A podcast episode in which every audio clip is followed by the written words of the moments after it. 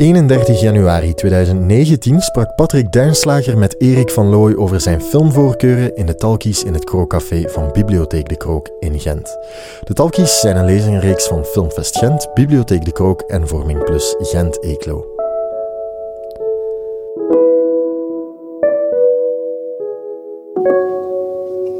Goedenavond, dames en heren. Hartelijk welkom. Het doet ons heel veel plezier om u zo talrijk aanwezig te zien. Maar natuurlijk hebt u ook een goede reden om hier te zijn, want uh, de talkies van vandaag die zijn gewijd aan Erik van Looy, van gewijd aan vooral zijn, zijn passie voor film. Want Erik van Looy, u kent natuurlijk Erik van Looy als filmregisseur van onder andere de zaak Alzheimer, de premier. Uh, Loft uiteraard. Uh, maar is ook een grote filmkenner en een, een, van de, een van de grootste filmfanaten die ik ken, ik kan het wel zo noemen. En daarnaast werd hij ook, denk ik, voor een, uh, een, een, relatief succesvol televisieprogramma waar hij de present, waarvan hij de presentatie doet. Ja, Boer zoekt vrouw. Ja. Voilà, dus, dus daarvan kent u hem ook. Maar we gaan, vanavond gaan we het hier hebben over zijn lievelingsfilms. En voor we een eerste, want we gaan we hebben vijf films en we gaan telkens ook een, uh, de, de, trailer tonen. Maar voor we beginnen van de eerste trailer te tonen, wou ik toch wel even de vraag stellen aan Erik, een algemeen als intro. Hij heeft vijf films gekozen uit de jaren 70, zijn de Jaws, uh, Apocalypse Now, de Chinatown, Um, Dog Day Afternoon. Dog Day Afternoon. Dus vijf films. Ja, dat, is, maar dat zijn er nog maar vier. Er zijn nog maar vier. En dat, de, de, de, vijfde. En de vijfde ja, daar komen we wel op. Hè. Daar ja. komen we wel op. Apocalypse Now, denk ik. Uh, of nee, heb je die genoemd? Apocalypse Now? Apocalypse Now. Heb je genoemd? Ja. Ah, oké. Okay. Nee. Dus... Ja. Voilà, maar zeer verschillende films allemaal, maar allemaal uit de jaren 70. Ja. Waarom, Erik? Ja, waarom? Omdat ik denk dat dat voor veel mensen wel zo is. Uh, dat je wat je in je jeugd ziet, dat dat de meest verpletterende indruk op je nalaat. Dat was in ieder geval bij mij zo. Ik bedoel, ik, uh, de jaren 70. Dus dat is één zaak. Ik was uh, jong in de jaren 70. Uh, toch relatief. Uh, en die films dateren van 74, 75, 76, uh, 79. Ik was toen ja, 16, 17, 18 jaar. Um, en wat ik toen zag maakte een dermate grote indruk op mij dat, dat ja, dat je dat ook altijd blijft meesleuren als favoriete film, vind ik. En een andere reden is natuurlijk dat, en jij weet dat ook Patrick, dat de jaren 70 vaak het beste decennium ooit worden genoemd voor de cinema. Enfin, er zijn er nog geweest, men spreekt ook over de jaren 30 en, en dan het moment dat... maar de jaren 70, dat was een, ja, een belangrijk ja, een, een, een tijdperk waarin alles kon, ook binnen de studio-omgeving.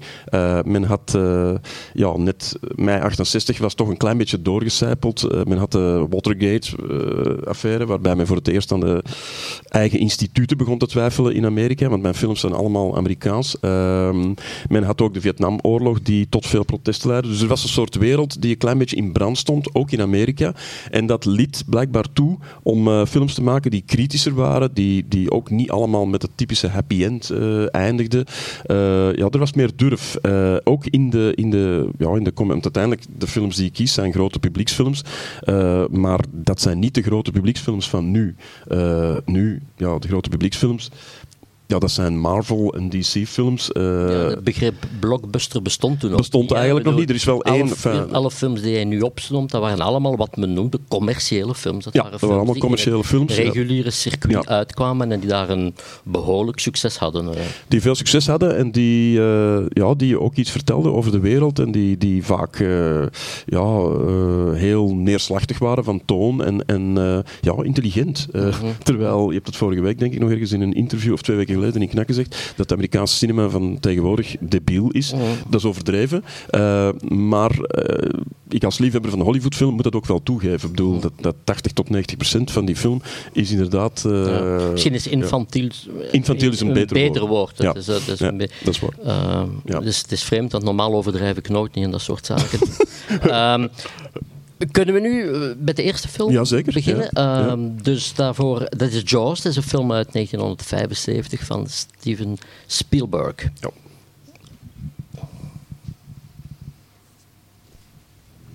There is a creature alive today who has survived millions of years of evolution without change, without passion, and without logic. It lives to kill a mindless eating machine. it will attack and devour anything. It is as if God created the devil and gave him jaws.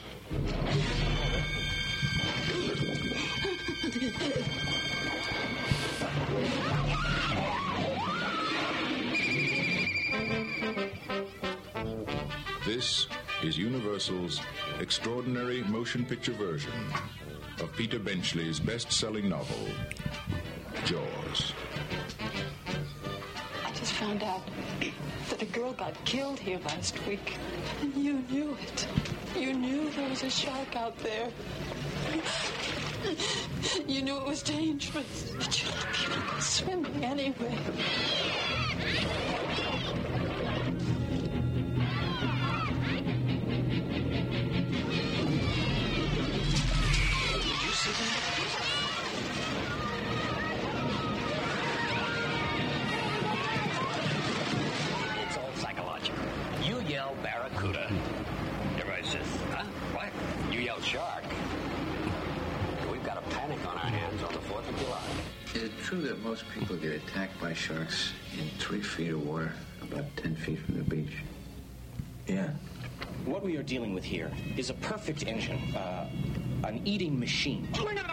Close the beach, we're going to have to hire somebody to kill the shark. Bad fish.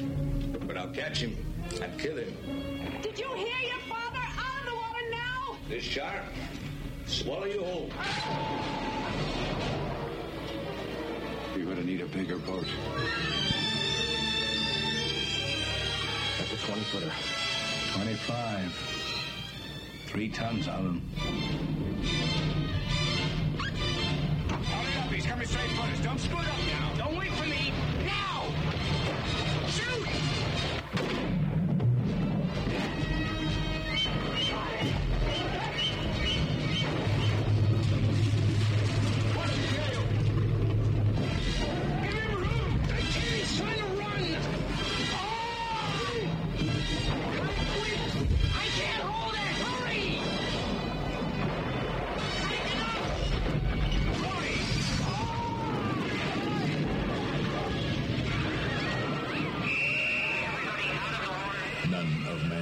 Fantasies of evil can compare with the reality of Jaws.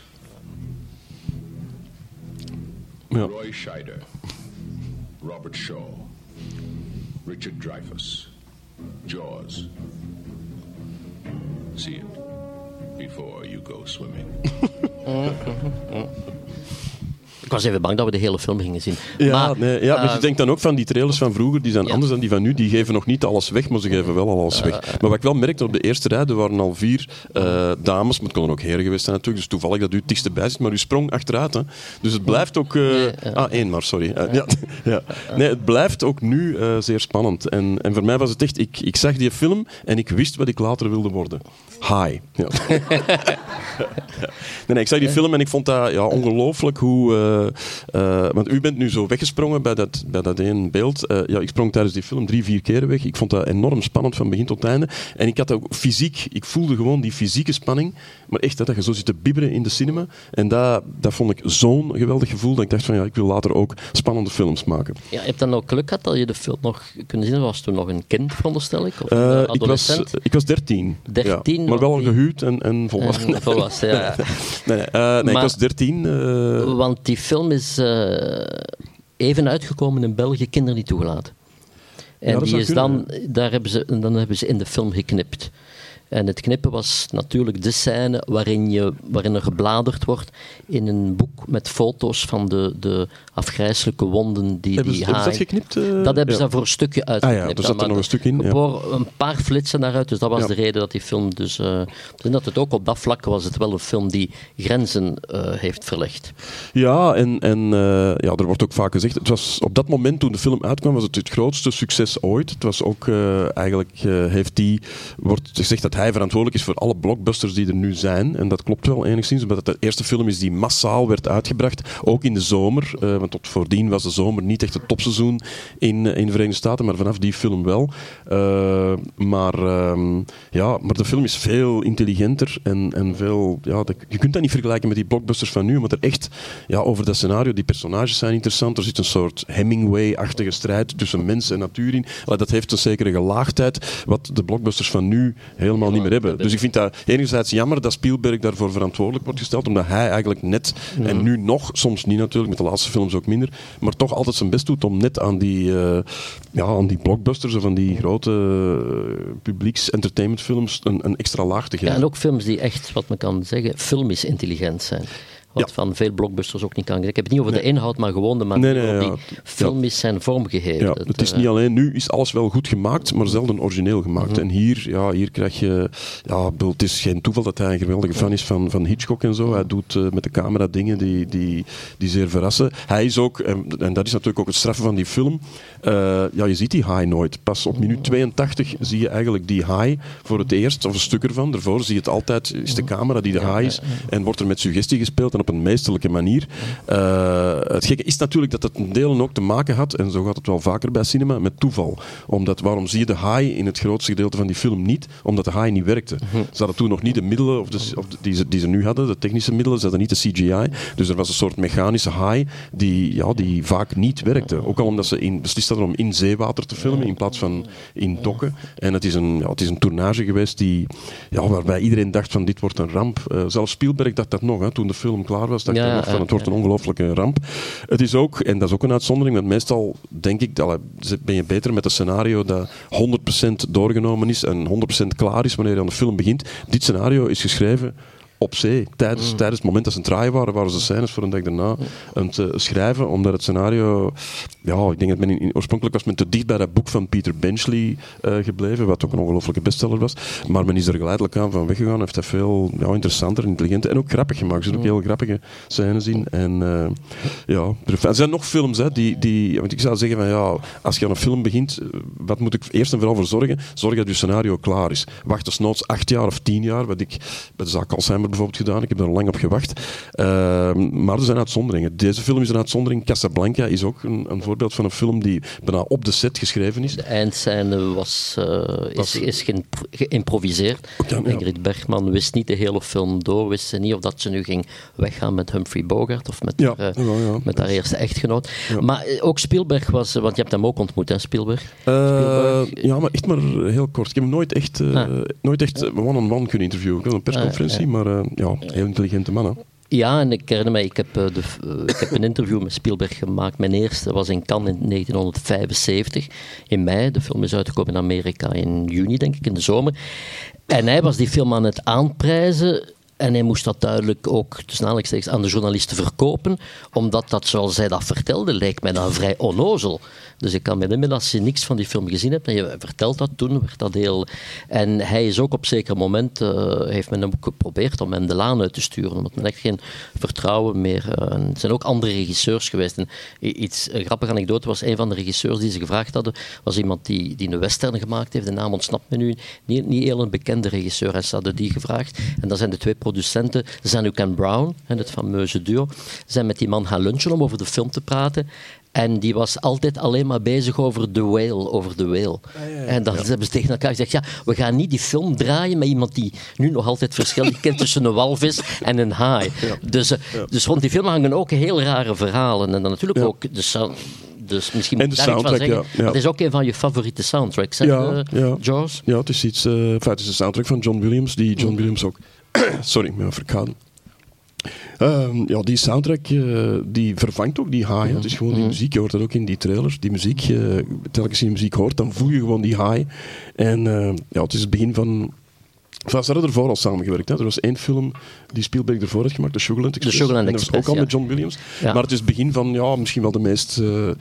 Vruchtbare ja, samenwerking, enfin, Je hebt Hitchcock en... met Bernard Herrmann en je hebt Spielberg met ehm, met John Williams. En, en ja, het is een fantastische samenwerking. Ja, ja. ja. Um, Is er iets in die film die je nog altijd als, als want je zag dat toen als, als jonge gast, uh, maar het is ook een film die toch echte lessen in regie bijna geeft, die eigenlijk u uitlegt hoe een film moet gemaakt worden. En ook hoe je in de montage, je suggereerde het al door die high die bijna niet te zien is. Maar ook de montage van die film was sensationeel. Het is ook typisch dat Spielberg was eigenlijk vrij onervaren. Maar de vrouw die de film gemonteerd heeft, Verna Fields, eh, was eigenlijk een heel, heel uh, in haar vak een kei. En zo succesrijk was die film en haar montage dat ze daarna zelfs vice-president van Universal gemaakt, gemaakt is.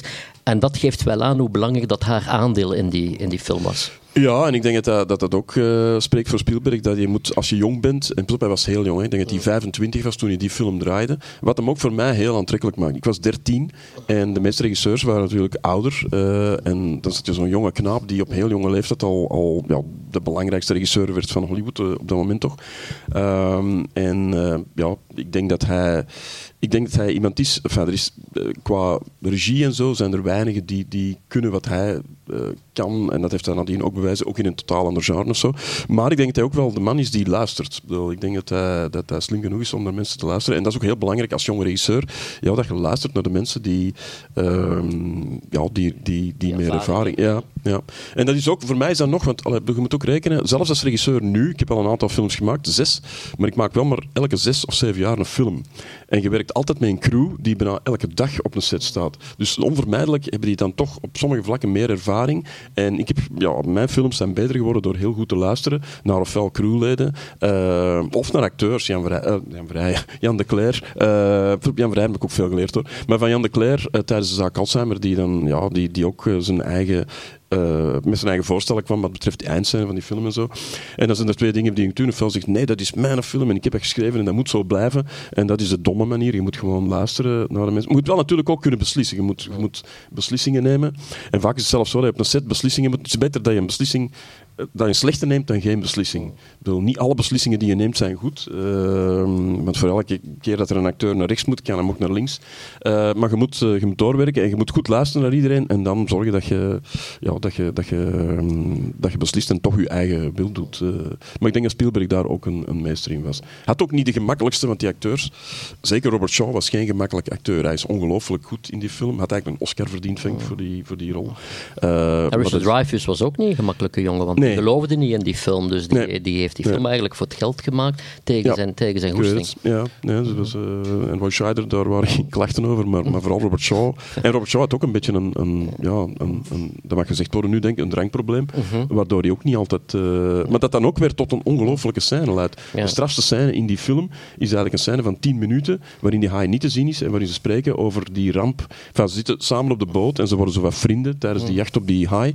En s'nachts uh, ja, drinken ze wat whisky en vertellen ze over dat uh, echt gebeurde verhaal over de Indianapolis. Of, of ja, de, ja. ja. Waar, waar, waar dus mensen lange tijd overleefd hebben uh, en met haaien die rond de. Ja, dus er was een, een boot die, die zonk en er waren 1200 mensen die in de zee gingen toen die zonk. Dat was tijdens de Tweede Wereldoorlog. En die kwamen allemaal in zee terecht en er was niet direct uh, hulpboten. En na een uur kwamen de eerste haaien. En die 1200 mensen lagen daar in zee en die probeerden alles te, te bedenken om, om die haaien op afstand te houden, maar dat lukte niet. Dus uiteindelijk één dag later waren nog, nog 300 mensen over in die zee. En dat verhaal, Robert Shaw zegt dan dat hij in die zee heeft gelegen. En dat verklaart ook zijn, ja, zijn, zijn, uh, zijn, tegelijk zijn passie en zijn angst voor haaien.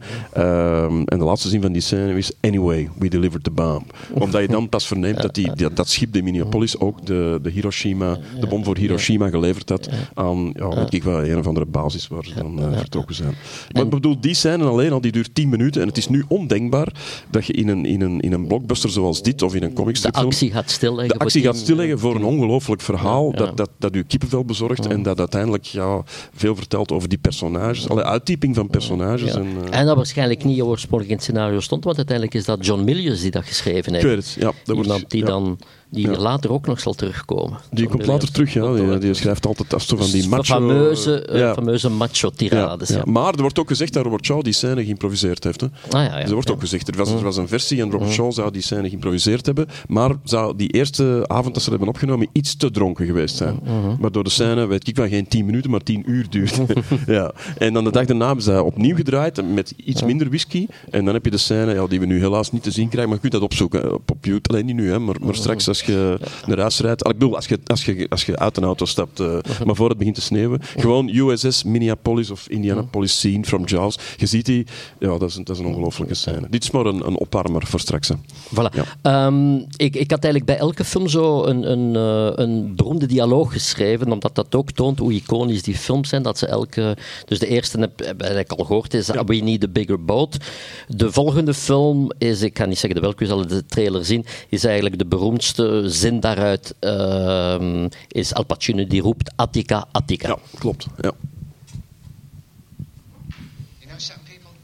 You're going to be remembered the rest of your lives for the day you got held up and kidnapped. At approximately 3 p.m. on August 22nd, 1972, Sonny Wurtzink and Sal Naturale entered the First Brooklyn Savings Bank and attempted a robbery. Nobody attempt failed. There's no money here. They picked it up this afternoon. It's only 1100. This is too much. It's for you. What? The police arrived. This is Detective Sergeant Eugene Moretti. What are you doing in there? For the people of the neighborhood, it was a sideshow. Sonny! Sonny! But for Sonny and Sal, the hostages, and the cops, it was a dog day afternoon. It's all a whim. Rob a bank. I had a plan. I had a plan. WNEW plays all the hits. Will you keep away from this bank or we're going to start throwing bodies out the front door one at a time? I'm a Catholic and I don't want to hurt anybody, understand? How about let the people out of the bank? Uh, they're keeping me alive. I'm going to let him out. Sir, can you tell me what the situation is? All right, who, who has to go to the bathroom? Honey, come on out! It's just a freak show to them anyway. The most you're gonna get is five years. You get out in one year, huh? Kiss me. I, I don't know about that guy out there. Hello, Sonny. You're on the air. Sonny, Jesus, I was watching it on TV. Go on back there, man! Why didn't you tell me he needed money? He wants to kill me so bad he can taste it. Give me rewards when you got a sucker for a mother. You're starting to get on my nerves. Put it in your holster! We're entertainment, right? What do you what do you what do you got for us? Let it go! Let it go!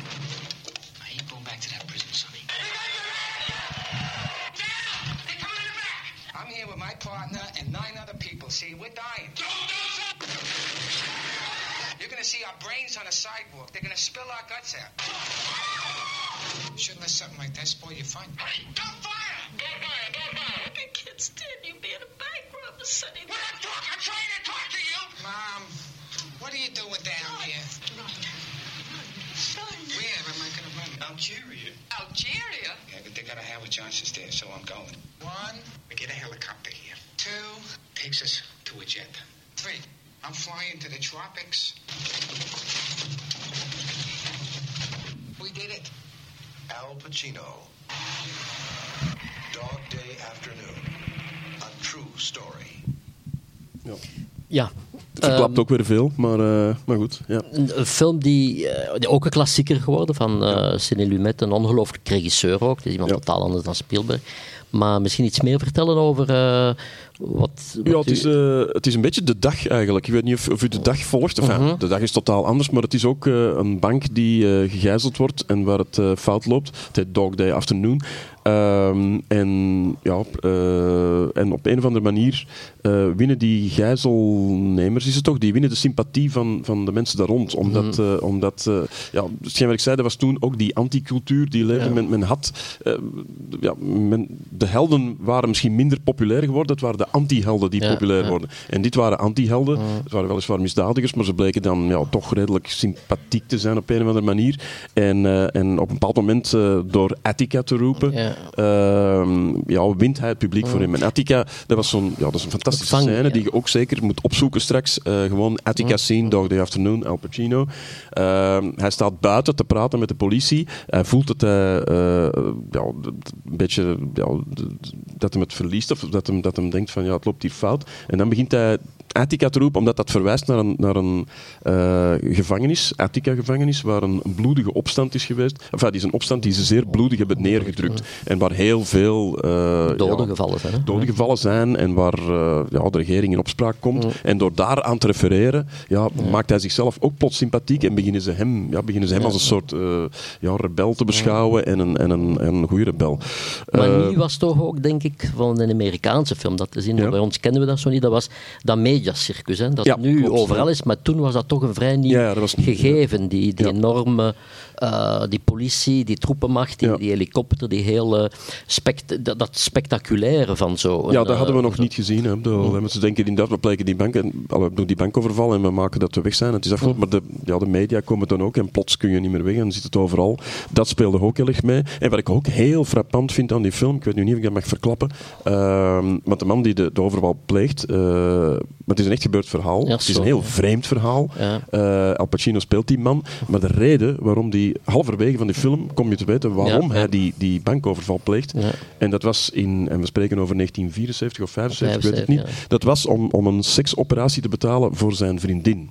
en hij is ook getrouwd. Hij is ook getrouwd. Je ziet die vrouw, maar je ziet ook dan de vriendin gespeeld door Chris Sarandon, een, een heel korte rol. Heeft daar een Oscar-nominatie voor gekregen, voor heel kort. Maar bedoel, dat nu, nu ja, komen er natuurlijk transgenders in, in voor en is dat gelukkig heel bespreekbaar en zie je dat overal. Dat dat toen in een, in een, in een, in een commerciële film het woord was niet bekend toen, denk het ik. Woord, nee, nee. Dat, zou ook nog niet bestaan hebben. Maar ik bedoel, alleen dat dat in, in de film komt, kun je dat voorstellen dat, dat zelfs nu, dat je zegt van ja, je maakt een, een Aquaman of, of een of andere superheldenfilm en je komt dan met dat soort, uh, ja, ja ja, we spreken over, over 75, 25, help mij, 43 jaar geleden of zo. Uh, het is en, en dat kon toen allemaal uh, mm -hmm. in de jaren 70. En ja, de film... Ja, niemand viel daar toen ook over. Hè? Dat was, uh, ik herinner me nee, dat dat gewoon... Nee. Dat was verrassend. Dat, was, dat hoorde tot... ja, dat was een reden te meer om die film nee, te gaan kijken, omdat het origineel was. En, en, en, en, ja, en echt, hè. echt. Het was ook echt zo. Het was ook echt, het Chris Sarandon, die de broer is van Susan Sarandon. Is dat zo? Ja. Was ik vergeten. Die nooit echt carrière gemaakt Nee, nee, nee, maar die wel in die, in die rol, heel, de rol van zijn leven speelt. Maar alle kleine rollen zijn fantastisch. Misschien is dat ook iets dat je toch wel zal treffen. Ik kan me inmiddels als regisseur, dat is in veel van die Amerikaanse films, tot in de kleinste rollen, die casting perfect zit. Ja. En ik moet ook zeggen dat ik dat altijd wel probeer, tot in mm. het uh, oneindige toe. Men, men, vaak is het zie hier zo dat je, uh, van, je moet daar ook je tijd voor nemen. Uh, en, en je moet zorgen dat ja, zelfs iemand die nu, stel dat er iemand nu een vodka Red Bull komt brengen, wat een beetje een raar idee is, zo vroeg op de avond, uh, ja, dan moet die man die die vodka Red Bull komt brengen, hoe kort dat die zijn scène ook is, die moet perfect zijn voor die rol. En dat probeer ik altijd wel te doen in mijn films. Dat je zo denkt van, ja, moeten nu, die man heeft één lijn tekst, of, of, of die vrouw heeft één lijn tekst, of die komt gewoon even langs, of die passeert. Uh, en dan zeg ik tegen, tegen uh, want vroeger zocht ik die acteurs dan ook nog allemaal zelf, en sprak ik ermee af en dingen. Dat doe ik misschien nu niet meer, maar de mensen die de casting verzorgen, wil ik zeggen, ja, ik wil het zien. Ik wil het zien. Ik laat u dat opnemen, zodanig dat, dat je voor de, voor de kleinste dingen echt wel weet. Omdat je dan, ja, en dan toch nog kunt beslissen van bijvoorbeeld, ja, die toch niet, of laat iemand anders die vodka Red Bull brengen.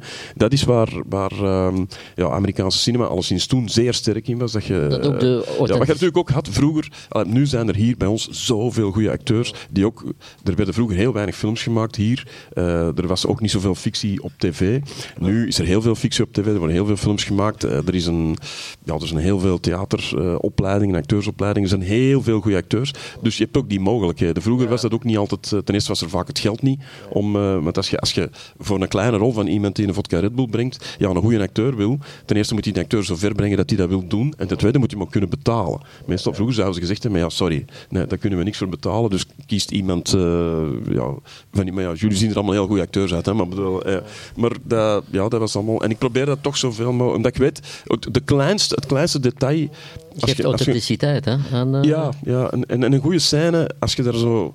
Ja, op een of andere manier... En ik snap dat wel, dat de mensen dan letten op, op een minder goed element in die scène. En je moet echt zorgen dat alles in die scène, en ook alle acteurs, ja, dat, die, dat die goed zijn of geschikt zijn. En dat, ja, dat vraagt uh, werk. En, en dat is misschien ook wel geïnspireerd door het feit dat je inderdaad in, in, in de Amerikaanse films van toen, dat je, dat je alle kleine personages ook... Uh, ja, je hebt geweldige karakterkoppen die altijd terugkeren en die... ja.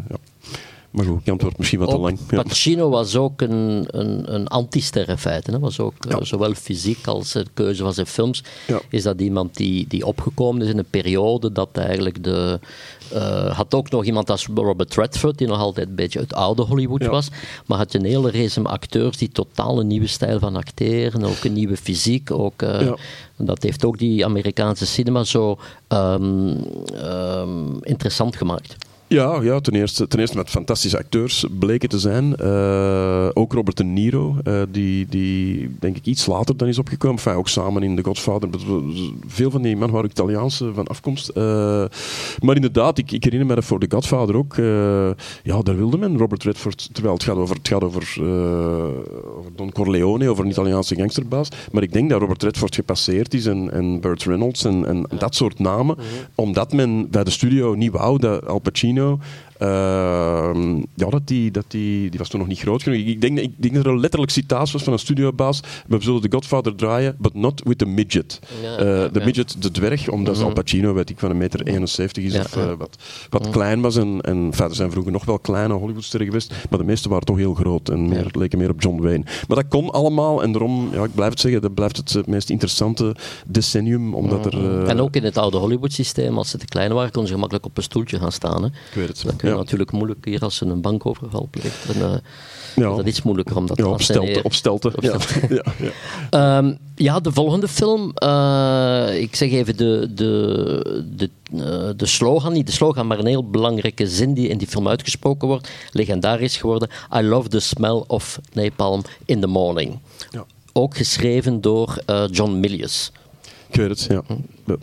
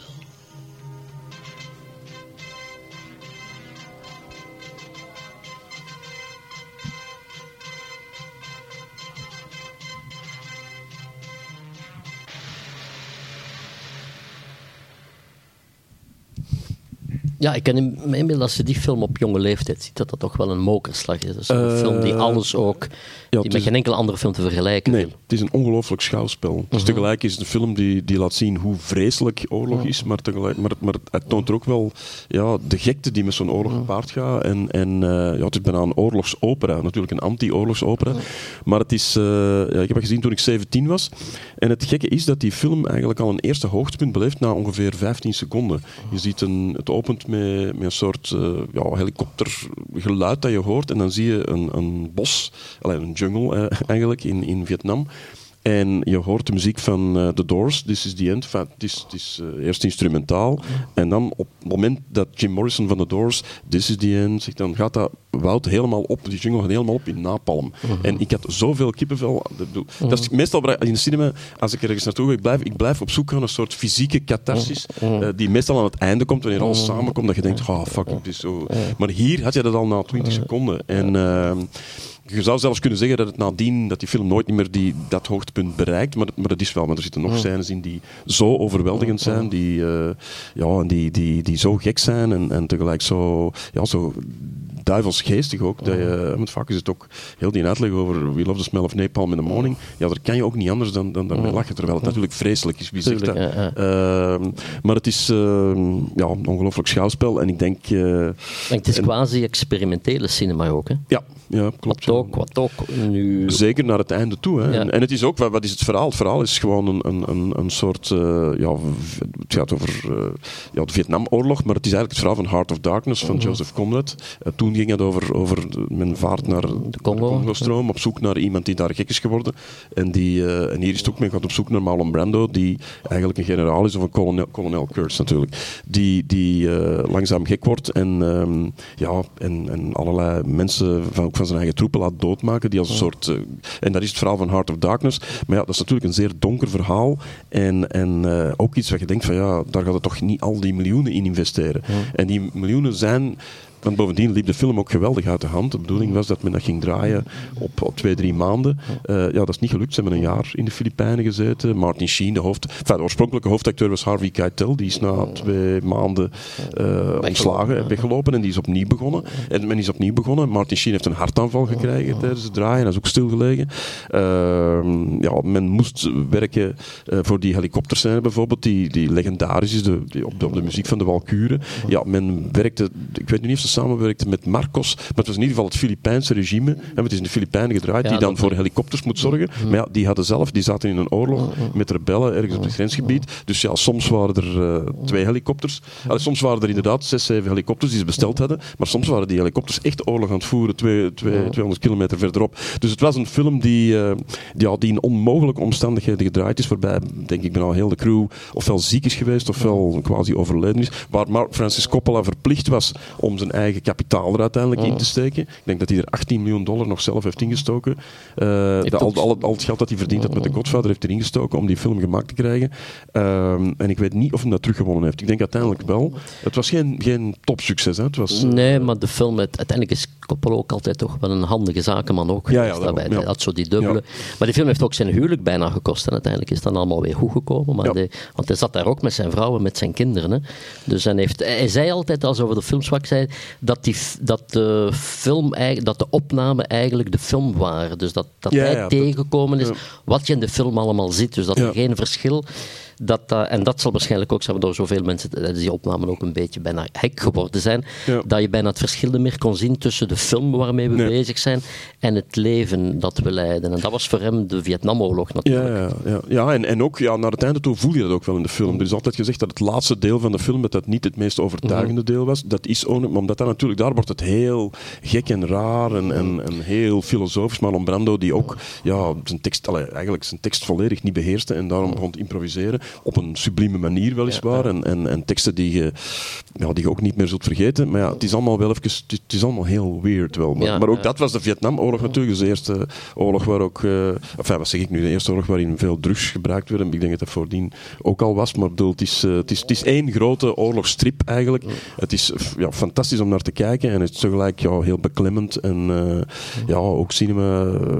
ja, ja, zou dat nog, nog kunnen gemaakt worden? Een blockbuster met zoveel spektakel en die dan zoveel diepgang heeft en zo donker en zo somber. Ik weet het niet, Patrick, weet jij het? eh? Ik denk het nu. Nee, ik denk het niet. denk het Zeker ook niet, niet. eh, nee. Maar het is ook, eh, ik denk ook niet, eh, niet alleen het systeem, maar misschien ook wel de mensen die het niet meer zouden kunnen. Nee, hè? Want zo iemand als een Coppola, als een Scorsese, als een Spielberg, ja, het is niet dat je elke generatie dat je er zo 10, 20 hebt. Hè? Dus Nee.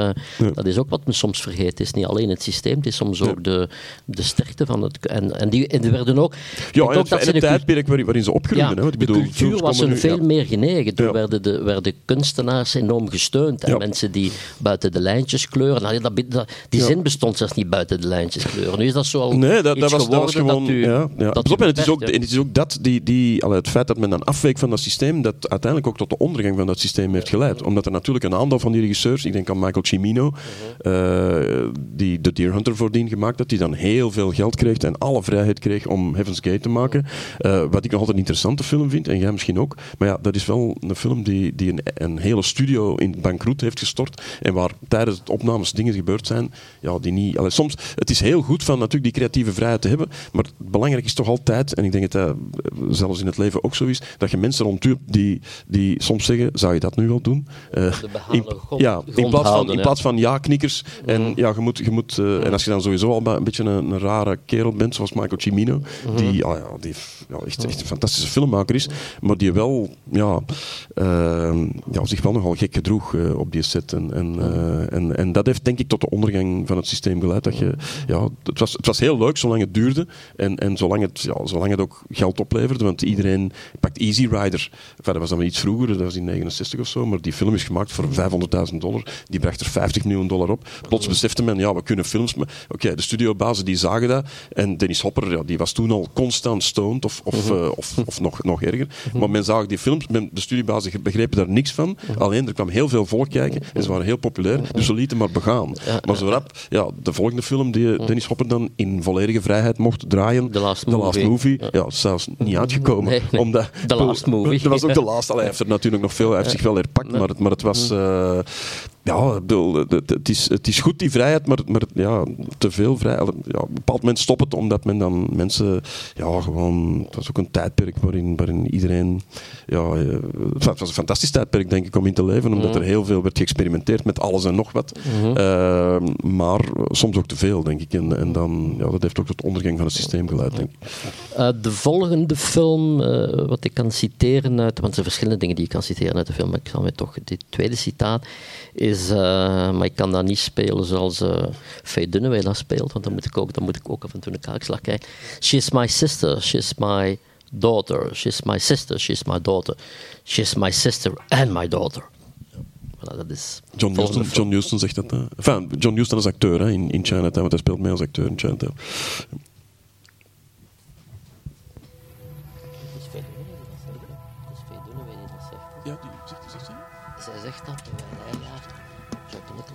altijd maar, maar eh,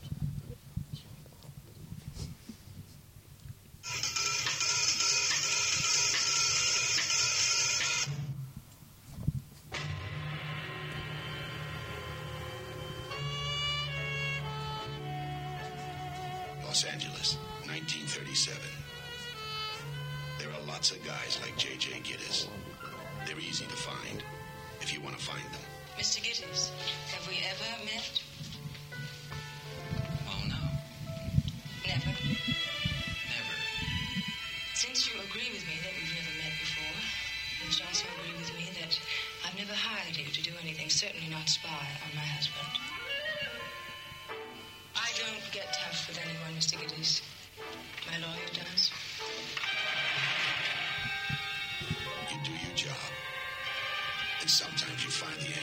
Questions that should never be asked. Or you find out what happens to people who ask them. Hold it there, kitty cat.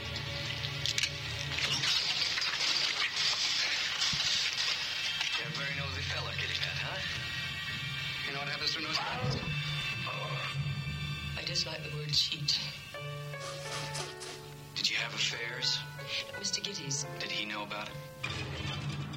Where were you when your husband died? Were seeing someone too. For very long? I don't see anyone for very long, Mr. Giddys. It's difficult for me.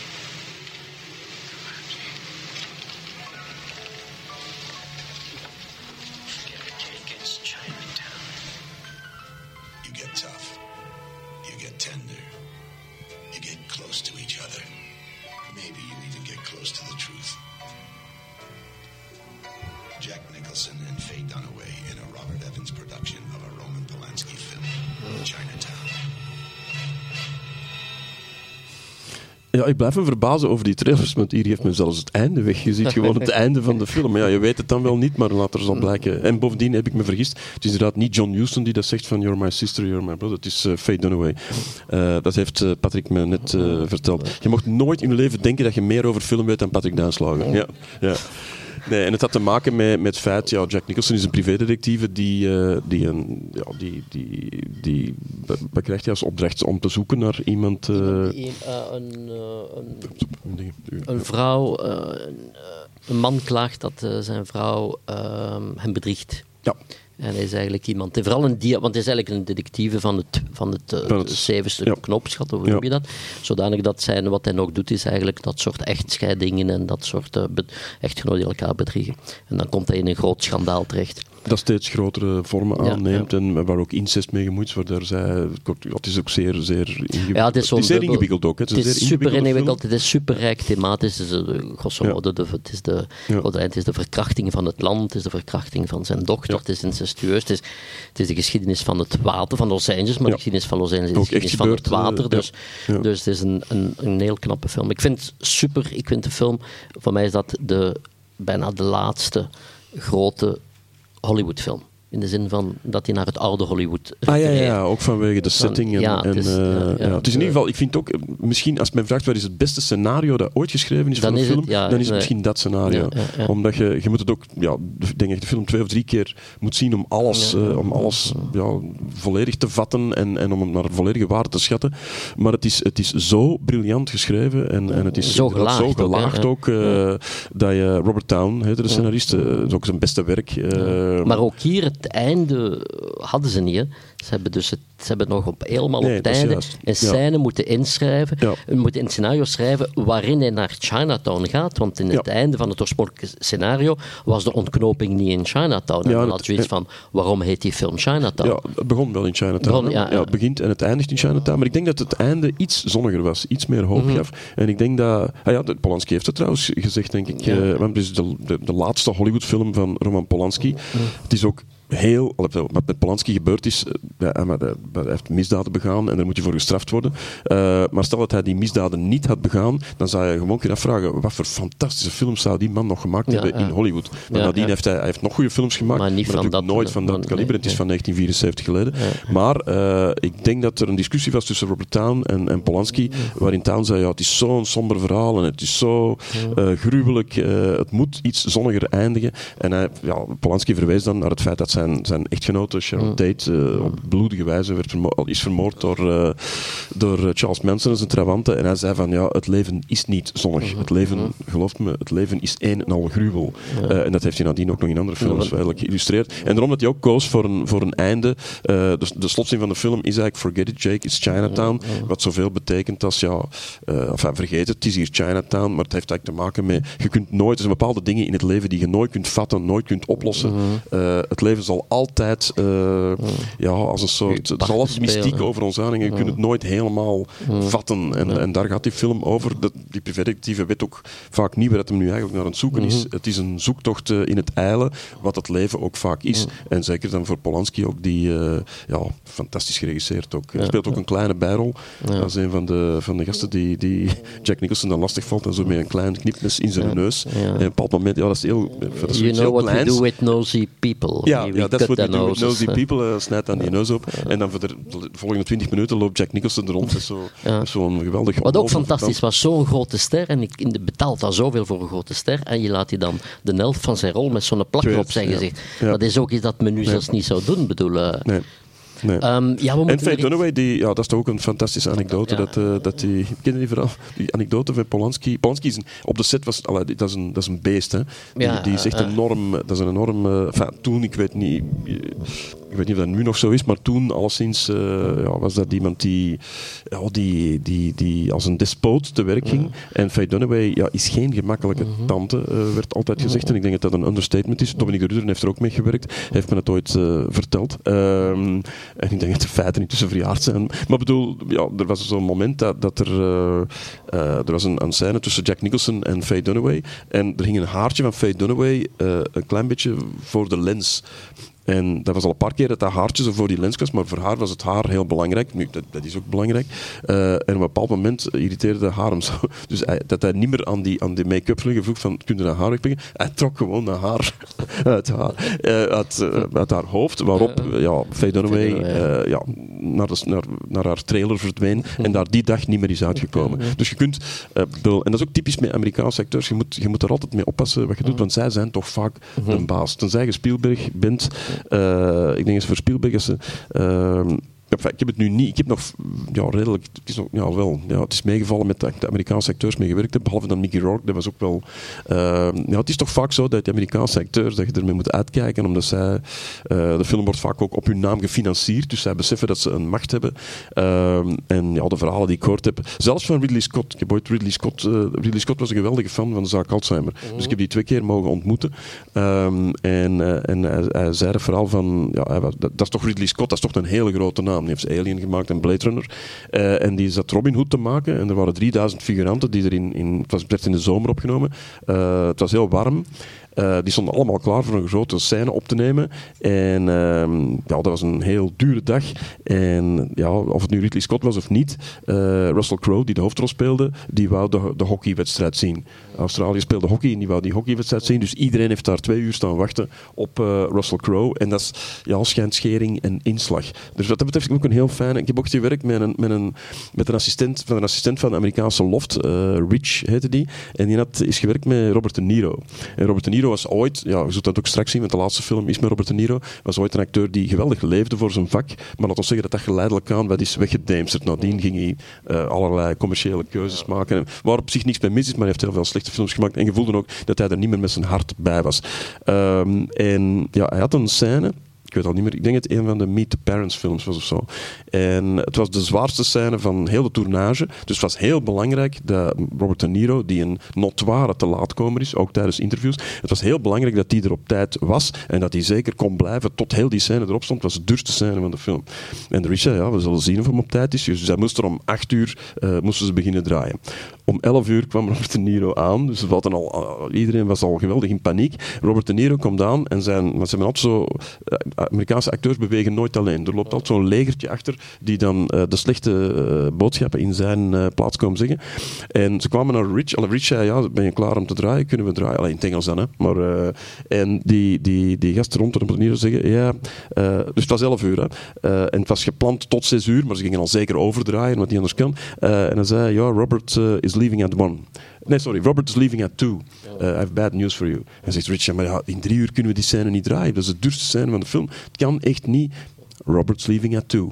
Eh, en zat dan in die trailer. Ja, dus Rich denkt van, ja, oké, ik kan er mijn zeven producers, want elke Amerikaanse film heeft zeven of acht producers, die allemaal ja, heel veel te zeggen hebben tegen de regisseur, maar nul, niks tegen de acteur. En die, ja, die producers die zagen natuurlijk de financiële bui hangen en de, en de logistieke bui en de problemen. En die zei tegen Rich, ja, hoe kan dat je dat niet kunt regelen? Wacht, we zullen wij naar zijn trailer gaan en we zullen wij regelen dat hij tot twee uur kan blijven, Robert De Niro. Dus hij ziet die zeven acteurs naar die trailer, die mogen dan uiteindelijk nog wat, wat discussie, mogen die binnen in die trailer. Vijf minuten later komen die buiten uit die trailers eh, en die gaan naar Rich. Rich, Robert De Niro is leaving at one. ja, echt gebeurd. Van zijde Rich. super, ja. Ja, ja. Maar dat is, dat is typerend voor, voor voor, de de, manier waarop, mentaliteit, ja. waarop ja, voor de mentaliteit die soms en, en toch heel vaak eh, ja, eh, de scepter zwaait op zo'n op zo'n Amerikaanse Het gaat allemaal om macht, hè? dus gewoon Ja, macht, machtsspel. hè. We moeten er snel door in de zin van dat we nog wat kans moeten geven aan het publiek om vragen te stellen. Ja, de laatste film, eh, daar is natuurlijk de, je hebt al gezegd over De Niro, de, de bekende zin is You Talking to Me, de fameuze eh, monoloog voor de spiegel.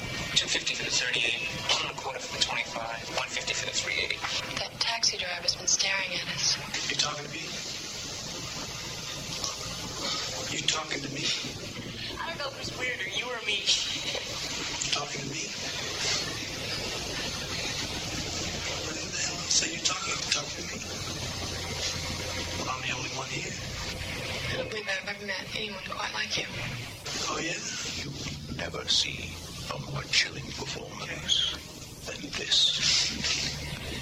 Robert De Niro in Martin Scorsese's Taxi Driver.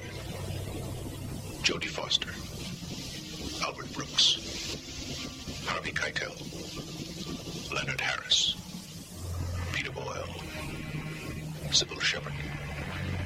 Taxi Driver. Iconi, Iconisch toch. eh, trouwens, dat affiche is gemaakt door een, een Belgische meneer. Een ongelooflijk mooie affiche die je nu Pelaert. ziet.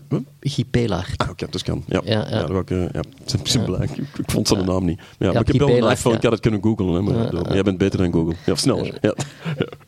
Ehm, Ja, ik moet toch even, even van kuchen. Ja, ja. Eh, Nee. Ja, ja, die film, fantastisch ook. Hè? Ik bedoel, eh, alles hè, klopt aan die film. Die, die muziek die je hoort van de eh, beste ja, de muziek waar, van eh, Bernard Herrmann. Ja, Bernard Herrmann is de vaste componist van Hitchcock. Enfin, Hitchcock heeft Psycho en North by Northwest, alle klassieke Hitchcock-scores zijn van hem. En dit is zijn laatste score. Hij heeft eraan gewerkt tot eh, 24 uur voor zijn dood.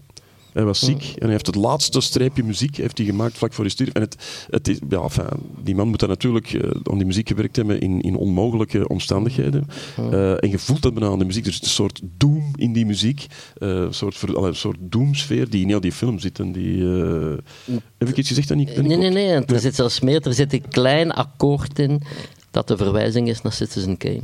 Ah, serieus? Dus dat Ja, is dan ook zeer raar, omdat dat zijn e- allereerste Ah, ja, film is die hij gedaan heeft, was Citizen Ja. Kane. Ja. En die film eindigt met een akkoord dat hetzelfde akkoord is als eh, in Ja, dat wist ik Citizen niet. Toch Dat nog van die rare Ja. Toevalligheden, maar inderdaad die, Ja. die de film dan nog een extra dimensie geven. Ja, ja, ja. het is, ik vind het eigenlijk de strafste componist ooit. Men spreekt vaak Mm. over Ennio Morricone of Mm. zelfs John Williams, maar dit, Yes. ja, Bernard Herrmann. Het is ook, als, als ik met een nieuwe film begin, het is altijd vaak met een nieuwe componist door omstandigheden, soms in het buitenland, soms hier. Het eerste wat ik altijd, allee, als ze zeggen van, ja, wat voor muziek wil je, dan zeg ik altijd Bernard Herrmann. Ja, en dat zul je ook merken aan sommige scores van eh, films, die natuurlijk nooit, allee, die mensen zoeken dan hun eigen weg en, en, en terecht. Je zet Eh, het ook op als stempmuziek.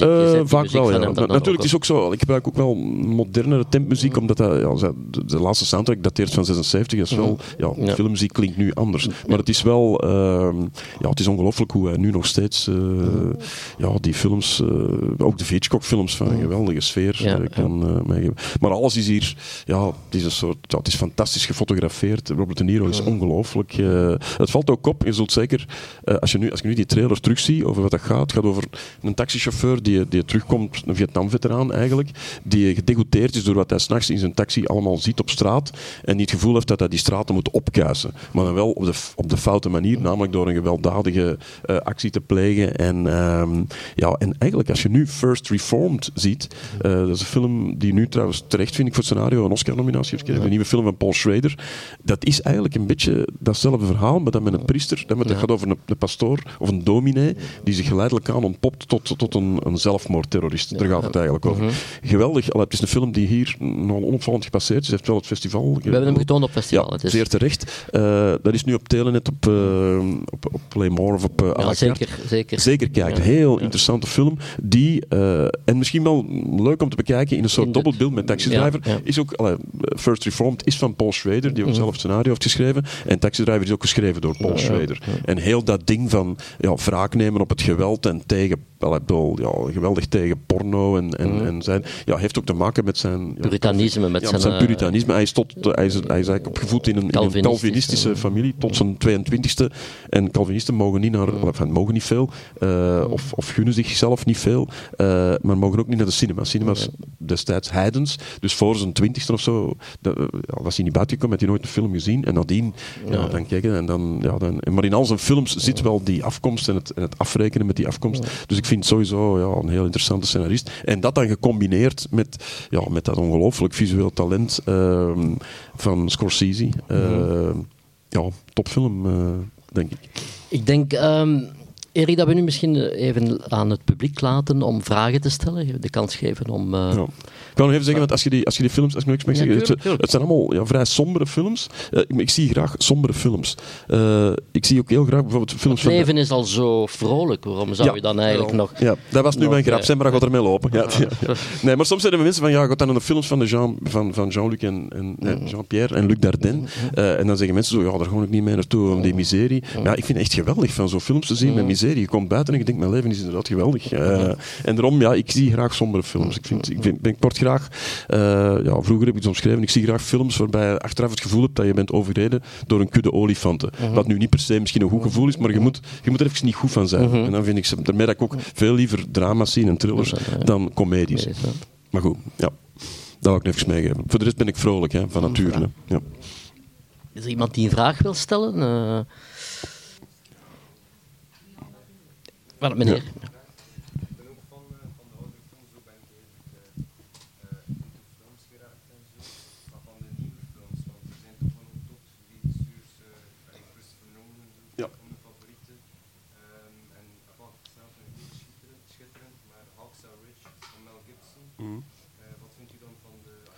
Ja, nee, er worden zeker, eh, en dat zal Patrick het met me eens zijn, eh, zowel ja, overal ter wereld als in Hollywood nog, nog, nog, nog zeer goede films gemaakt. Eh, en ja, Christopher Nolan is bijvoorbeeld, ja, dat is fantastisch hoe die erin slaagt om, om eigenlijk de Spielberg van de jaren 70 te zijn. Namelijk, uiteindelijk maakt hij Batman-films, of, of enfin, Dunkirk is natuurlijk een serieuze oorlogsfilm, maar Inception, dat is eigenlijk popcorn entertainment, maar wel met zoveel ja, intellectuele bagage en zoveel gelaagdheid, dat dat, ja, dat vind ik een schande dat die man bijvoorbeeld nog nooit genomineerd is of nooit een Oscar heeft gewonnen. Hitchcock ook niet. Hè? Nee, Hitchcock nee, heeft nee, 52 of 53 films gemaakt. Ja. eh, is tot het einde van zijn leven geraakt zonder ooit een, eh, een Oscar te winnen. Dat is een schande. En met Nolan heb ik ook dat gevoel. Maar tegelijk heb ik ook het gevoel van Nolan laat dan zien hoe goed. allee, dat, dat, dat zijn dan ook eh, films over Batman, gewoon films over comicstripsterren. Maar die zijn zo intelligent, zo verrassend, zo vindingrijk. eh, dat je denkt, ja, waarom kunnen die anderen dat En dan niet? heel donker, hè? En heel donker en heel somber. eh, maar, maar dat zijn ja, allemaal, alle, alle drie die hem gemaakt heeft, zijn, zijn ja, briljante films. En ehm, ja, alleen ja, het contrast met de rest is zo groot. Ik bedoel, eigenlijk zou je moeten zeggen van oké, nog laat de comicstripfilms maar komen, omdat ze allemaal door Christopher Nolan maken. Wat natuurlijk niet kan. Maar ik, moet, ja, ik begin nu heel vaak over die comicstripfilms en Marvel en DC. Ah, ik vind, ja, sorry. Ik, bedoel, ik vind dat je me nou quote, dat moet, ik vind dat, dat je moet zeggen, oké, nog twee mogen er het land binnen. Eh, en voor de rest, ja, allee, je, hebt- je ziet altijd diezelfde film, je ziet nog eens een gebouw instorten voor de zoveelste keer, je ziet die CGI-effecten, ja, die briljant gedaan zijn, maar die niet levensecht zijn en waarbij je, enfin, ik word er zot van, ik word, er- ik word er echt zot van. Ik weet niet of je, ik, ik, ja, op festivals zullen er ook niet veel lopen, dus ik... eh, Nee, en ik vermijd dat soort films ook Ja. inderdaad, omdat er zoveel zijn. Ja. En, eh, maar ja, we gaan nog even mensen laten iets vragen. Ah, ja. eh, het was iemand anders die een vraag wou stellen, dacht ik. Nee?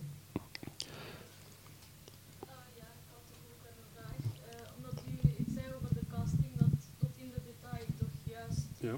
dat je juist de mensen moet aannemen, maar tijdens het filmproces allee, gebeurt vaak dat van één acteur naar de andere acteur gaat.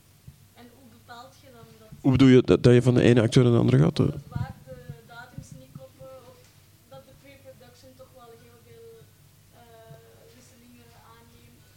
Ja. Ja, dat klopt. Allee, bij mij eh, minder, omdat ik meestal... Ja, ik maak maar om de vier, vijf jaar een film. En ik beslis ook... Allee, ik, werk heel lang aan een scenario. Het scenario moet helemaal klaar zijn. Wat niet wegneemt dat je er op de set niet van mag afwijken. Maar ehm, ja, dat is wel voorbereid in die zin dat je dan weet... Ik draai die film van die periode tot die periode. Bij mij is dat ook letterlijk zo. Omdat ik alleen ja, van februari tot mei kan draaien. Omdat in, in oktober de slimste mens weer terug begint. Dus ik moet sowieso hang ik vast aan een periode. En die periode die, die kun je ja, vrij ver vooraf al vastleggen. Ehm, ja, ik heb tot nu toe het geluk gehad dat de meeste acteurs ook wel graag met mij werken en, zich ook altijd ter beschikking houden. Dus mij, mij gebeurt dat niet. Mij overkomt het niet zo vaak dat ik echt nog veel van acteur moet eh, eh, wijzigen. In Amerika daarentegen, ja, dat is iets anders. Daar springt iedereen ja, van de ene film op de andere. Eh, ik weet dat bijvoorbeeld bij de Amerikaanse Loft was het heel. Je hebt vijf acteurs nodig om die film te spelen. Maar heel belangrijk is dat je een eerste acteur hebt en dat die bankable is. Dat wil zeggen van, ja, dat de mensen eh, die voldoende kennen om daar een, een, een prijs van een ticket voor te betalen. En ten tweede dat je er ook voor zorgt dat dat een, een, dermate grote of interessante naam is dat je die andere vier dan mee aan boord krijgt. Eh, en de eerste acteur die, ehm, ja, die heel enthousiast was over de Amerikaanse loft was Patrick Wilson. Eh, die ja, misschien niet, allee, geen grote ster, maar wel een heel goede karakteracteur. Ook zeer hoog aangeschreven bij, bij de meeste collega-acteurs. Iemand waar iedereen graag mee wil werken. Dus het moment dat Patrick Wilson zei van ja, ik zal de loft draaien, dan wisten we, we gaan de film kunnen draaien. Omdat dan wisten we Patrick Wilson en daar kunnen we naar andere acteurs en die gaan ook toehappen. Eh, en dat is ook gebeurd door het feit dat Patrick Wilson ja zei en zei van oké, ik ben beschikbaar in die periode. Ehm, zijn er andere acteurs bijgekomen, eh Wentworth Miller, eh, James Marsden, die, die zei van ja, Patrick Wilson doe mee, we doen mee. Ehm, en dan ehm, ja, waren we al in New Orleans. De pro- preproductie was opgestart. Ik denk dat drie weken voor het begin van het draaien was. En Patrick Wilson belt mij persoonlijk. Dus dan weet er al dat ernstig is, want eh, anders belt er eh, iemand anders. Het was ook heel eerlijk van die man, van, van mezelf te bellen en, en niet. En hij zei, ja, ik heb heel slecht nieuws. Ik heb net een, eh, de hoofdrol in een, in een zeer prestigieuze tv-serie aangeboden gekregen. Ehm, wat voor hem ja, heel veel geld en heel lang werk, al, voor een heel lange periode werk betekende. Ik moet afscheid nemen van de film. En dus ja, omdat het daar gewoon zo is. Er zijn zoveel projecten en iedereen springt daar van. Ja, het, is, ja, het is daar gewoonte van. Men zegt altijd van in Amerika bestaan er maar twee snelheden voor het maken van een film: Eh, eerste versnelling en vijfde versnelling. Er is niks tussen. Dus ofwel gaat het heel traag en als het plots zeggen van oh, we moeten starten, dan gaat het in vijfde versnelling.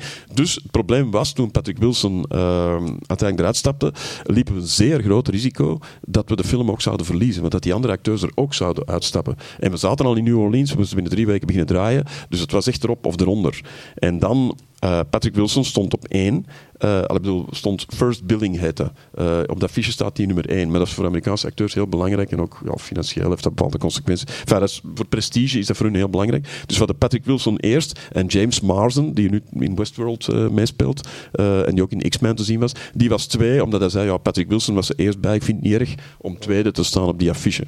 Dus we moesten zo snel mogelijk een andere acteur vinden. We wisten dat de acteurs, zei- we hadden de acteurs gebeld en ze zeiden, oké, we blijven aan boord als je iemand vindt die Patrick Wilson op adequate manier kan vervangen. Op drie, vier dagen zijn we dan terechtgenomen bij Carl Urban, die op dat moment een heel grote ster leek te gaan worden, omdat hij de hoofdrol had gespeeld eh, in Dread, eh, eh, Judge Dredd, maar- Dredd, waarvan iedereen verwachtte dat het een grote blockbuster zou worden. Is het uiteindelijk niet geworden, maar ja, dat is een ander verhaal. Ehm, dus Carl Urban zei, oké, ik doe mee.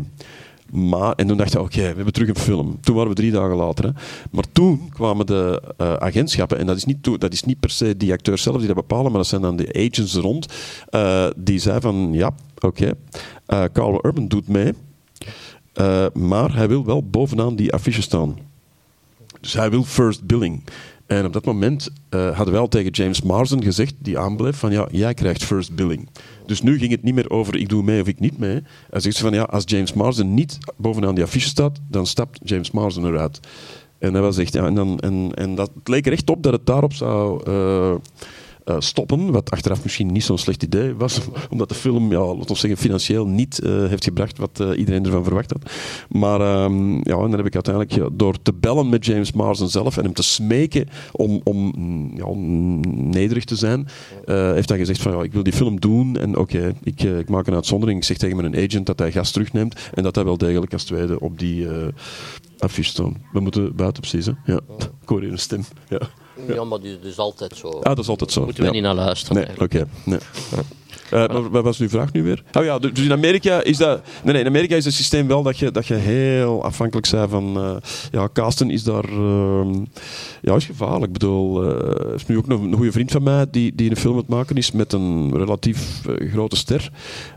Maar die film is nu net een maand uitgesteld. En dan, ja, dan moet je bang zijn. Want als die, als die ster dan zegt van ja, een maand, maar ja, dan komt dat volgende project in het gedrang, ja, dan ben je die kwijt. Hier heb je meestal wel acteurs die mee wachten, omdat er ook minder. Er ook ja, mensen met heel veel werk hier, goede acteurs met heel veel werk. Maar, het, eh, maar ik zorg er meestal wel voor dat dat, dat dat vast ligt en dat je niet te veel moet veranderen. Ik heb al een paar keren ja, een acteur tijdens het repetitieproces dat je merkt van ja, het is niet wat je ervan verwacht. Wel een paar keer iemand moeten ontslaan, dat wel. En dat is natuurlijk niet leuk, omdat je op dat moment al, ja, heeft hij al heel veel energie erin geïnvesteerd. Maar ook dat, eh, want ik ben eigenlijk, eh, ja, ik ben, ben al een brave gast, denk ik, waarvan je zou denken van, ja, die gaat dat nooit durven, die gaat dat nooit durven. Maar ik ben wel, ja, als, het, als ik echt merk van mijn film komt in, al, bedoel, mijn film zal niet ideaal zijn, omdat die acteur niet brengt wat ik ervan verwacht had. Ja, ik ben bij elke film heb ik wel eh, iemand eh, ja, moeten, moeten laten gaan. Eh, en ik denk dan ook van, ja, dat is natuurlijk niet prettig. En, en er zijn ja, nog acteurs die me een klein beetje scheef daarvoor bekijken. Maar, maar uiteindelijk doe je dat ook voor hen, omdat je merkt van, ja, dat is geen rol voor hen. Ik heb mij vergist. Dus was ze eigenlijk ook een beetje dankbaar. Ze zeiden, maar ja, iedereen... Ja, bovendien weet je het nooit niet zeker. Hè. Ik herinner mij dat in de Belgische loft, dat tijdens de lezing eh, begonnen we allemaal geweldig te twijfelen aan Matthias Schoenaerts. Omdat een lezing, dat interesseert Matthias Schoenaerts niet echt. Ik bedoel, de Matthias zei van, maak je geen zorgen, op zal ik er staan. Maar ja, ik kende Matthias Schoenaerts niet zo goed. Ik had hem nog nooit, hij had toen ook nog niet, ja, nog niet zoveel eh, ja, voor film betekend. Ehm, dus ik moet zeggen dat ik bang was. Ik was bang dat het... eh, dat, niet, niet zo van, ja, we moeten die... Dat is natuurlijk Matthias Schoenaerts, je ziet, je ziet dat talent, dat, dat komt er wel uit. Maar tijdens die lezing dachten we allemaal, oei, wat gaat dit doen? En ik weet dat ik, daar, dat ik daar bang voor was, maar ja, vanaf dag één op de set was natuurlijk was duidelijk dat het briljant was. En dat hij gewoon, ja, tijdens een lezing, ja, je hebt sommige acteurs die, die op lezingen alles geven. En je hebt sommige mensen die zich dan inhouden en die alles houden op de set. En, en Matthias eh, is eh, ja, een briljante acteur eh, die, die op de set vanaf het eerste moment goed was. Toch beter dan het omgekeerde, hè? iemand die alles geeft op de repetitie. Ik weet het, ja, ja, maar ja, ja, maar, ja, maar dat is ook al gebeurd. Hè? Ja, dat gebeurt soms ook. Dat gebeurt ook zelfs, je hebt dat ook zelfs met de slimste mens. Je hebt dan café-testen. Café-testen waar mensen ja, ten eerste heel goed quizzen en heel goed spelen, heel geestig zijn. En dan, ja, en dan nodigen ze uit voor, de- voor de opname en dan valt dat tegen. Dat gebeurt. Het omgekeerde... Nee, gebeurt niet zoveel. Maar, bedoel, maar, maar, ja, maar nou, dat gebeurt, ja. Het is, het is, het is, ehm, ja, er is een hele dynamiek die in werking treedt op zo'n filmset, ook op zo'n tv-set. En eh, ja, het is eh, toch altijd nog een stap in het ongewisse. Maar men vraagt me vaak, allee, maar eigenlijk, waarom draai ik zo weinig films? Ik sta ook niet graag op een filmset. Omdat, ik, omdat je hebt mensen die heel erg houden van de reis naar iets. In dit geval het onbestemde, de film die je maakt. Eh, ik hou van de bestemming. Alleen, ik vind de reis niet zo plezant. Omdat je nooit niet weet waar je gaat terechtkomen. Elke dag opnieuw eh, kom ik op een set en denk fuck, als het maar goed zal worden. En hoe, hoe meer, ik heb nu wel ervaring en ik weet nu intussen wel van ja, wat ik moet doen om bepaalde resultaten te bereiken en welke acteurs je nodig hebt en hoe je die moet motiveren. Maar toch ben je nooit zeker. En elke moment, elke dag dat je op de set komt, het eerste moment, laat je die acteurs die scène spelen en die is niet goed. Die is nooit goed. De beste acteurs ter wereld. Het gebeurt heel zelden dat een scène die van de eerste keer gespeeld wordt, eh, dat die goed is. Eh, Arne Sirius is hier in de zaal. Een theaterstuk zal ook wel zo zijn. Ik er is een reden waarom jullie twee maanden of drie maanden repeteren, of iets minder, omdat je weet van ja, je moet naar die vertolking komen. Maar bij een film heb je niet altijd veel tijd om te repeteren. Dus het eerste moment dat je die, die scène ziet, denk je, oh, het is verschrikkelijk. En dan geef je dat de tijd en op het en dan denk je van, ah, oh, gaan we dat wel op tijd kunnen draaien en gaat dat wel goed, goed zijn en zo. Maar ehm, ja, meestal, ik, ik voel mij slecht op een set tot tien minuten voor het einde. Omdat ik dan merk van, ja, oké, we hebben alles wat we moeten hebben, het is een goede scène, Eh, ik ben gelukkig. Ik ben tien minuten gelukkig. En dan rijd ik naar huis en dan ben ik nog een kwartiertje gelukkig, de muzieksknop. Eh, best niet van Bernard Herrmann. Eh, ik zet de muzieksknop en ik ben nog gelukkig. En dan kom ik... eh, ja, dan nader ik de Antwerpse ring, worden sowieso wat ongelukkig. Ja. Maar dan begin ik terug ongelukkig te worden, maar ik aan de dag van morgen begin te denken. Dus ik ben, ja, ik zeg het, je hebt mensen die heel graag op een set staan, die heel die zoektocht, dat avontuur, heel leuk vinden. Ik vind die zoektocht echt verschrikkelijk. Voor mij mogen we, al, we mogen er al zijn. Maar dit, dit vind ik wel plezant, hè. Nu ben ik, ja. ja, ja, ja. Ehm, ja, ik denk dat we moeten afsluiten. Ja, misschien nog een laatste vraag.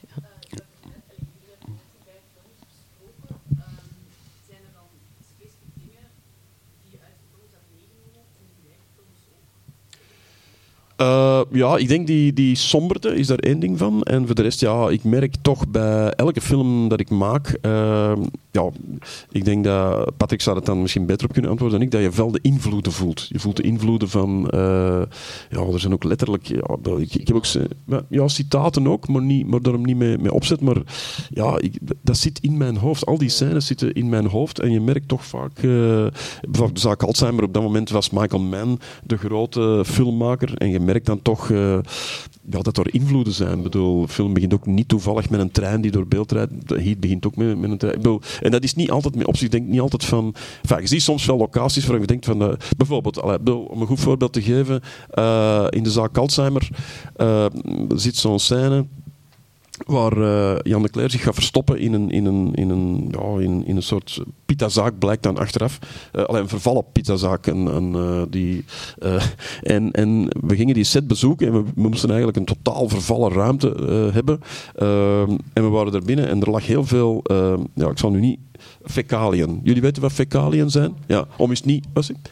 Ja, om eens niet het woord duivenstront te gebruiken, maar het is intussen al door mij gebruikt. Dus er lag heel veel, dat stonk daar verschrikkelijk en er waren heel veel duiven. En zei, ja, deze locatie is perfect. Eh, en die man van decor zei, ja, ik zal dan zorgen dat al die duiven hier weg zijn en dat die, die stront eh, wordt opgekuist. Ehm, maar toen dacht ik van, ja, mijn favoriete regisseur, een mijn favoriete regisseurs op dit moment is John Woo, de Hongkong-regisseur, die duiven altijd als een soort van symbool gebruikt in zijn, in zijn actiefilms. In elk van deze films vliegen er duiven door op de meest te pas en te onpas. Dus ik dacht van, ja, ik zei er nog voor te lachen. Ik zei, ehm, ik zei ja, weet wat, laten we die duiven laten zitten. Ten eerste kunnen we die een rol geven in de film, wat ook gebeurt, want we spelen een klein rolletje mee. En je weet nooit, zei ik nog, van, want toen was het bijna ondenkbaar dat je internationaal succes, of, tot in Hollywood succes kon hebben met een film. Ik zei, je weet nooit, stel dat John Woo die film ziet, hè, dan gaat hem dat misschien leuk vinden met die duiven. Iedereen lachen en ik ook. Ja. En ja, drie jaar later, want de zaak Alzheimer eh, wordt soms vergeten en mag vermeld worden, was stond in de top 10 van Time Magazine van beste films van van, dat jaar, eh, toen hij uitkwam in Amerika. Eh, en ja, ik ben bij heel veel grote namen op bezoek geweest. Dat was ook die periode dat ik bij Ridley Scott op bezoek was. Ze echt een hele goede film vonden. En op een dag werd er gebeld door Terence Chang, wat de producer is van John Woo. En hij zei, ja, John Woo vindt de film heel goed en wil praten en wil u, wil u ontmoeten. Dus ik ga naar John Woo, eh, en dat echt een idool voor mij was. Ehm, en, en ik kom er binnen, die praat heel weinig Engels. Uh, alleen niet zo goed Engels, je zult hem ook wel geïnterviewd hebben. Dus ik geef hem een hand, ik zeg, yeah, I'm glad you liked the movie. Yeah, I like the pigeons. Ja, dus in die zin, dat is een antwoord op uw vraag. Dat is, dat iets, het is niet dat je daar naar op zoek gaat, maar door het feit dat je zoveel films gezien hebt en zoveel uh, dat dat echt ja, in, uw, in uw lijf zit, ja, ja, ontstaat er een soort van citaat. Uh, ja, ik denk dat meer dan een citaat, maar, maar je merkt dat je, dat je toch uh, ja, dat je dat meepikt en, en daar vaak ja, dat er toch referentie ontstaat naar bepaalde werken. Was dat een goed antwoord op uw vraag? Ah, Oké, okay, dankjewel. Voilà, ik denk dat we het helaas daarbij moeten laten. Ik vraag u warm applaus voor Erik om bij ons te zijn.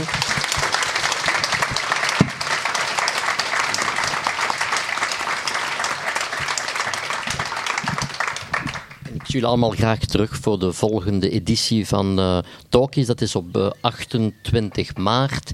En dan doen we dat met de, de Gentse thriller-auteur Bavo Dogen. Zal dan onze gast zijn. Is iemand die uiteraard schrijver, maar ook heel veel filmreferenties gebruikt. En zelfs al het festival ooit als locatie heeft gebruikt in een van zijn romans. Welke roman dan? Uh... Ik weet niet welke het is. Het is iets rond met de moord, maar jammer genoeg ging het voor mij niet ver genoeg.